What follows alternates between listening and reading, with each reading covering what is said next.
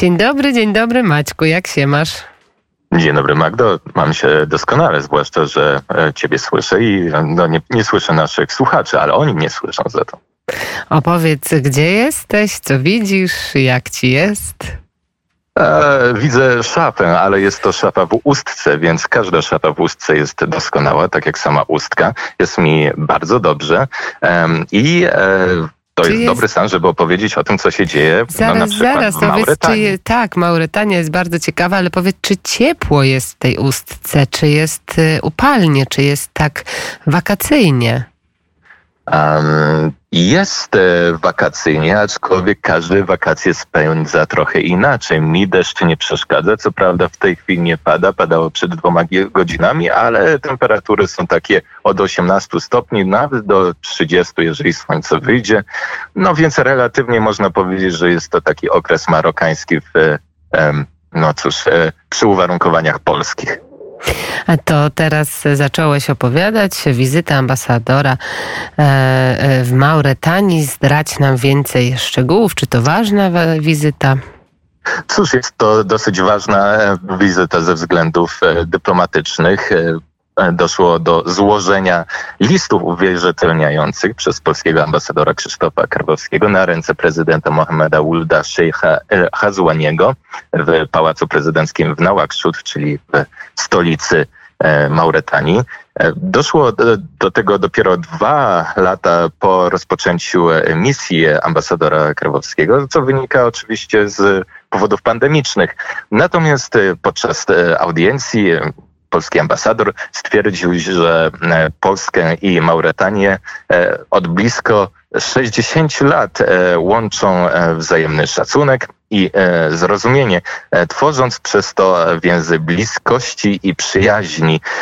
Polska wysoko ocenia rolę Mauretanii jako państwa stabilnego, a także czynnika stabilizującego w tym jakże niespokojnym regionie Polska uważa także Mauretanię za duży, że kraj ten ma duży potencjał w różnych dziedzinach, a ambasador Krawowski stwierdził, że będzie wykorzystywać e, właśnie ten potencjał w ramach e, partnerstwa między oboma e, krajami, a także w partnerstwie między mauretańskimi i polskimi E, firmami. Taka ciekawostka, prezydent El Hazwani był już kiedyś w Polsce, miało to miejsce w latach 90., kiedy to jako generał mauretańskiej armii e, kupował od e, Polski broń postsowiecką, która oczywiście nie spełniała standardów natowskich, a Polska w tamtym momencie um, ubiegała się o członkowstwo w NATO. Szybka wolta na północ do Maroka Niemal 3,5 miliona turystów odwiedziło Maroko w pierwszym półroczu 2022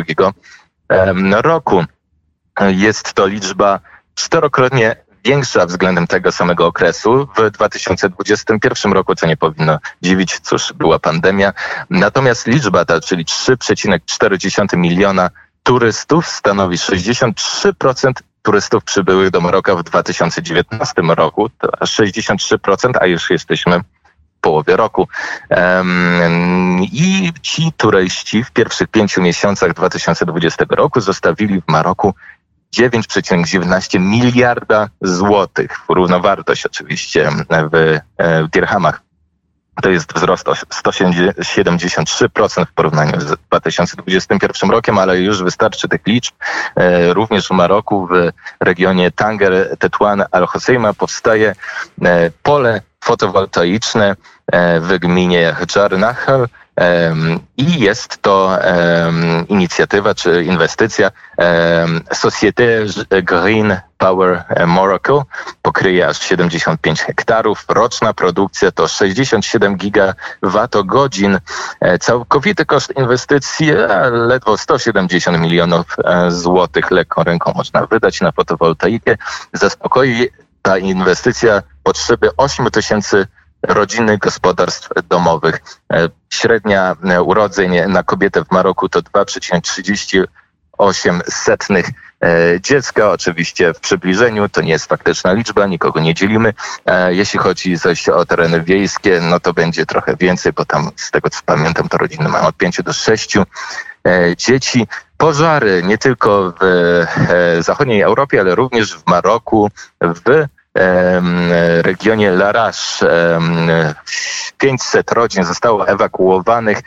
Do akcji zostały zmobilizowane oddziały porządkowe, żandarmeria królewska, siły pomocnicze, strażacy i leśnicy a do wykorzystania mieli również między wozami strażackimi cysterny gaśnicze samoloty kanadyjskiej firmy Canad Air. 500 rodzin zostało ewakuowanych, jak powiedziałem.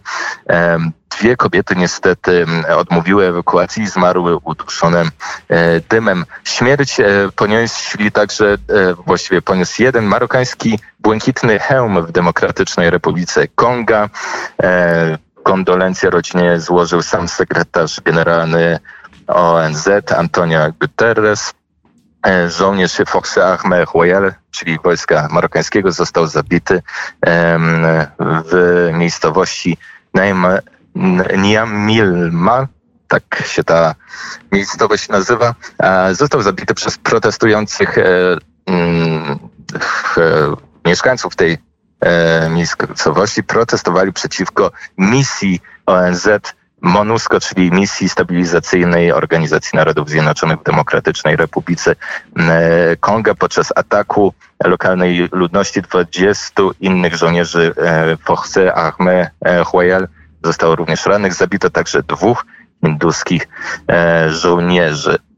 I tym Blitz blitz, blitz raportem z wydarzeń. To ja jeszcze e, dopytam, bo mówiłeś o energii odnawialnej, mówiłeś w ogóle o energetyce, a do tej pory, mówię oczywiście do wybuchu wojny na Ukrainie, nie mówiono o Algierii w kontekście jakiegoś istotnego czy ważnego dostawcy gazu do Europy. Te mm, plany zaczęły się pojawiać właśnie po 24 lutego. Powiedz proszę, jak dzisiaj wyglądają ewentualne scenariusze, czy jakieś rozmowy z Algierczykami w związku ze zwiększeniem wydobycia gazu i e, transportowaniem go właśnie do Europy, tak mocno uzależnionej od e, rosyjskiego gazu. Warto tutaj wspomnieć o ostatnich wydarzenia e, sprzed dwóch, trzech bodajże dni, kiedy to doszło do ustalenia tego 15% obniżenia spożycia czy, czy, czy wykorzystania gazu w ramach Unii Europejskiej. Hiszpania tutaj jest jakby wyłączona z tej zachęty unijnej e, Komisji Europejskiej, choćby z tego powodu, że ona właśnie bierze gaz od Algierii. Stosunki algiersko-hiszpańskie i ogólnie z, no, z Hiszpanią i z Niemcami nie są najlepsze, a to wynika z tej wolty, jaką e, dokonała Hiszpania i Niemcy w stosunku do Maroka, stwierdzając, że e, Sahara Zachodnia może nadal pozostać terytorium marokańskim w ramach o, o statucie e, autonomicznym. Czyli jest to sprzeczne z interesami Algierii, która chciałaby mieć tam niezależne państwo saharyjskie, a tak naprawdę państwo saharyjskie, które byłoby klientem Algierii, a więc Algieria miałaby z tego jakieś profity, również dostęp do Oceanu Atlantyckiego. Algieria nie, nie mniej, mimo tego chłodzenia stosunków z e, Hiszpanią, które były bardzo dobrze jeszcze przed tym E, zwrotem. No, trzeba przypomnieć tutaj, że Ibrahim Ghali został przyjęty przez e, Hiszpanów e, hospitalizowany, a Ibrahim Ghali to jest przywódca Polisario, frontu Polisario, który walczy o niepodległość Saharyjskiej Republiki Arabskiej.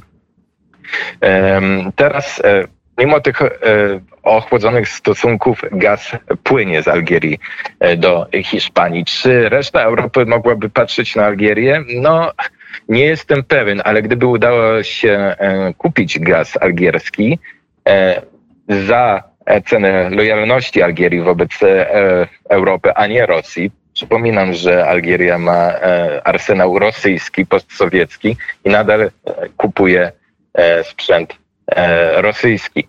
Także gdyby udało się zdobyć Algierię, przeciągnąć na stronę Europy, byłaby to ciekawa sytuacja i może wpłynęłaby także na losy E, Maroka, Sahary Zachodniej i regionu. Trzeba na to poczekać, wyglądać tych wydarzeń. No, trzeba wyglądać zabiegów na pewno dyplomatycznych i obserwować tę zmieniającą się politykę międzynarodową, a także obserwuje ją Maciek Jastrzębski. Bardzo dziękuję Maćku, więc e, przyjemnego popołudnia w Ustce życzymy Tobie tutaj z Warszawy, z krakowskiego przedmieścia. przyjemnego popołudnia na krakowskim przedmieściu i gdziekolwiek Państwo, nasi słuchacze się znajdą. Kłaniam się nisko. Mm, pozdrawiamy serdecznie. Maciej Jastrzębski. Oko na Maroko. Studio